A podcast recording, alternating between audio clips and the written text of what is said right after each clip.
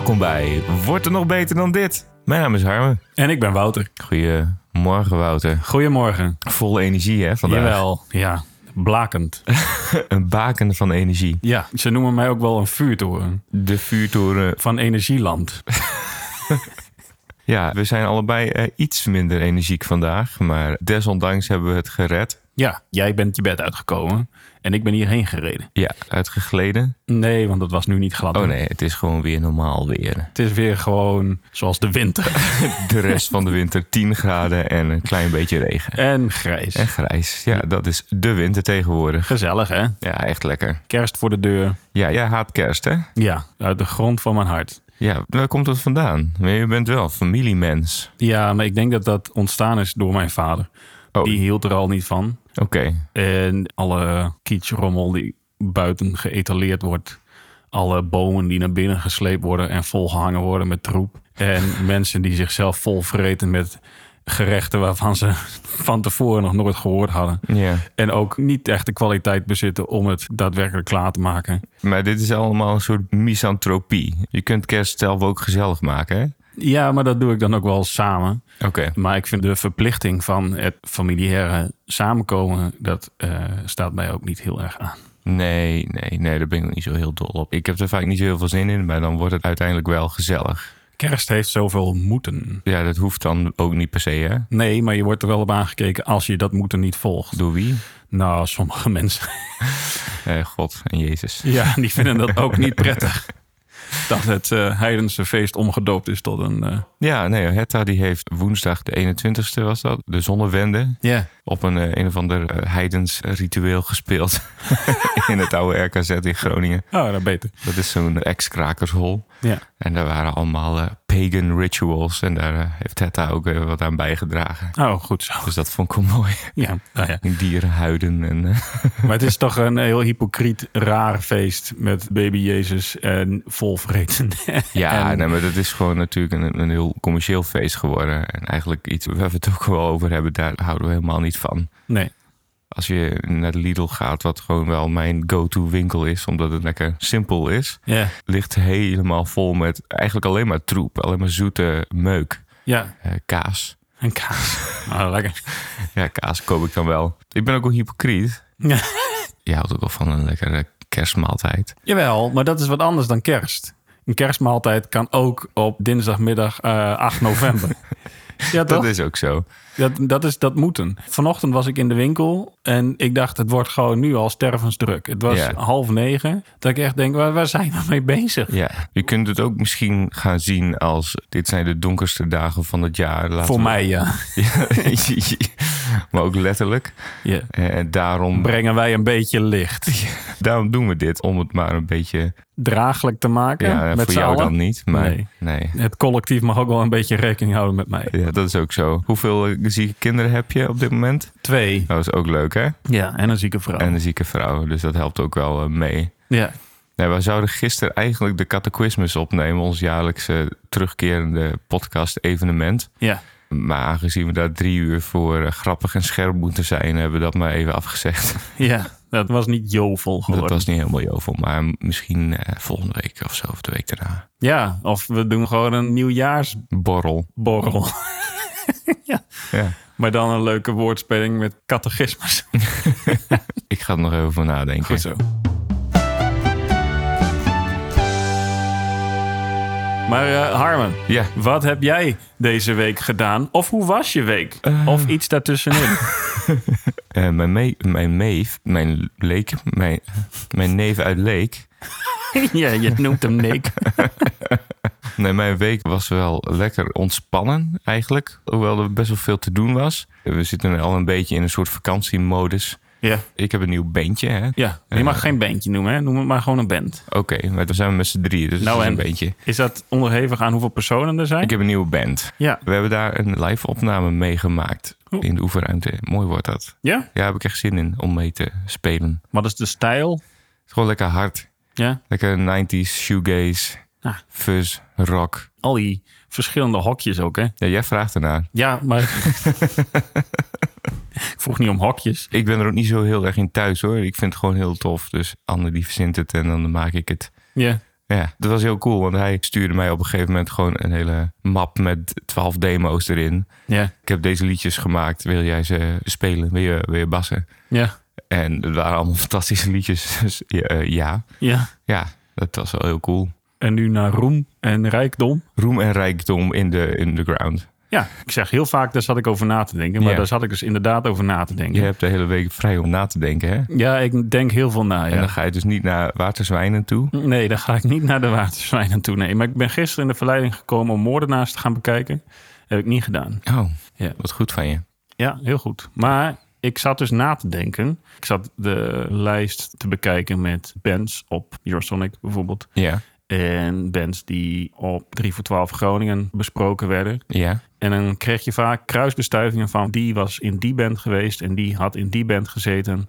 En nu is deze band ontstaan. ja. Is het als artiest zijnde dan ook onvermijdelijk dat je van meerdere wallen kaas gaat eten? Dat in je proces van ontwikkeling steeds nieuwe bandjes ontstaan? Nou, ik denk dat je wel vaak hebt omdat je gewoon veel muzikale vrienden maakt. Als je een beetje toert en een beetje speelt.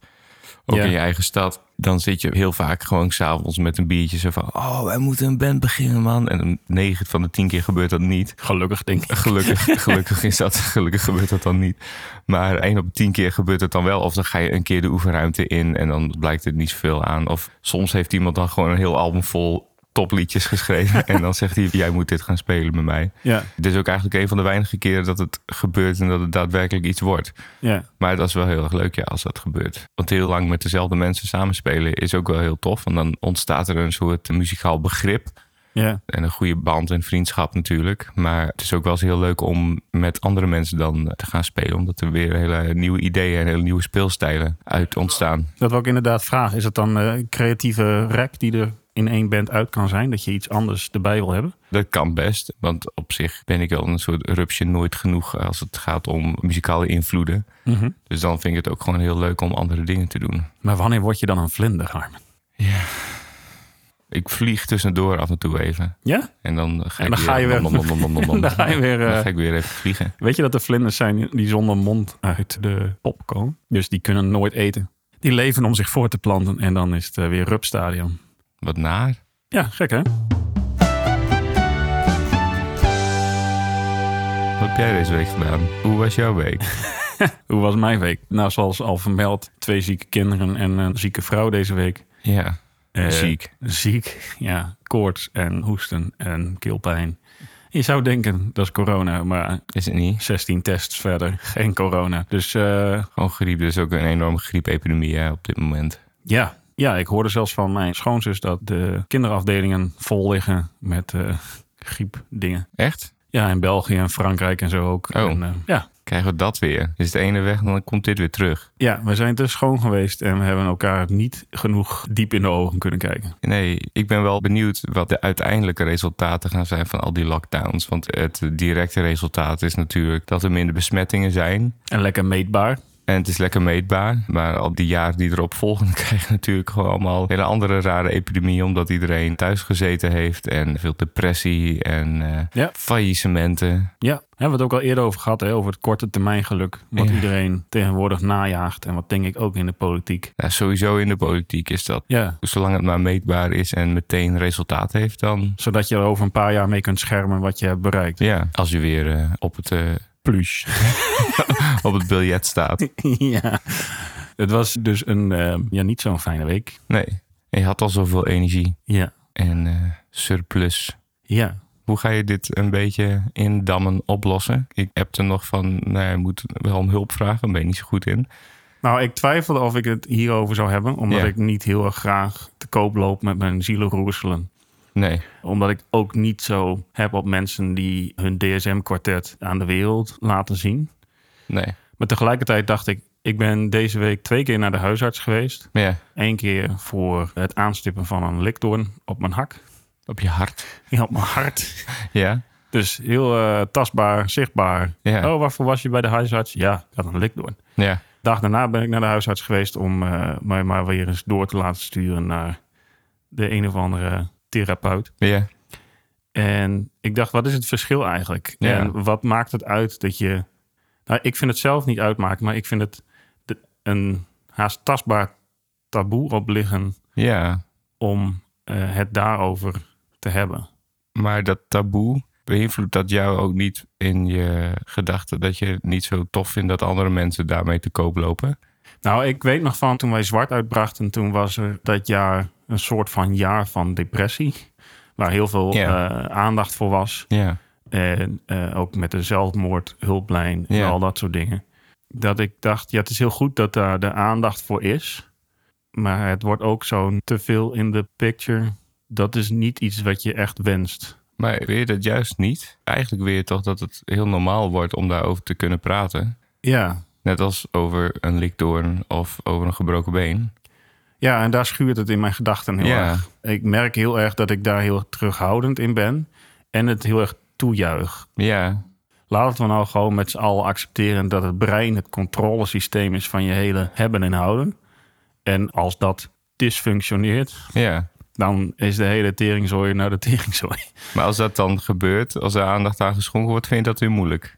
Ja, ik, en ik snap niet echt waarom. Nou, mag ik eens wat poseren? Zeker. Het is natuurlijk, jij hebt een behoorlijk zware vorm van depressie. En er zijn ook heel veel mensen die veel mildere vormen hebben. Ja. En misschien ben je een beetje bang dat alles op één hoop gegooid wordt. ja, ik denk dat dat het wel kan omschrijven, ja. Ja, en Maar dat, dat ik dat ook lastig vind om dat te uiten. ja, Omdat ik ook niet wil dat, dat ik als een soort van... ja, maar ik heb het veel zwaarder idee. precies. Dat voelt ook heel egoïstisch, egocentrisch. Ja, Ja, ja dat voelt een beetje van... ja, maar jij kan gewoon nog dit en dat. misschien komt dat ook wel voort uit een klap die je hebt gehad. Want ik weet nog wel van de middelbare school dat mensen wel eens dachten dat je misschien een beetje aanstelde. Terwijl ik wist, ja, op dit moment zit er gewoon niet meer in. Is het Nee. gewoon zo.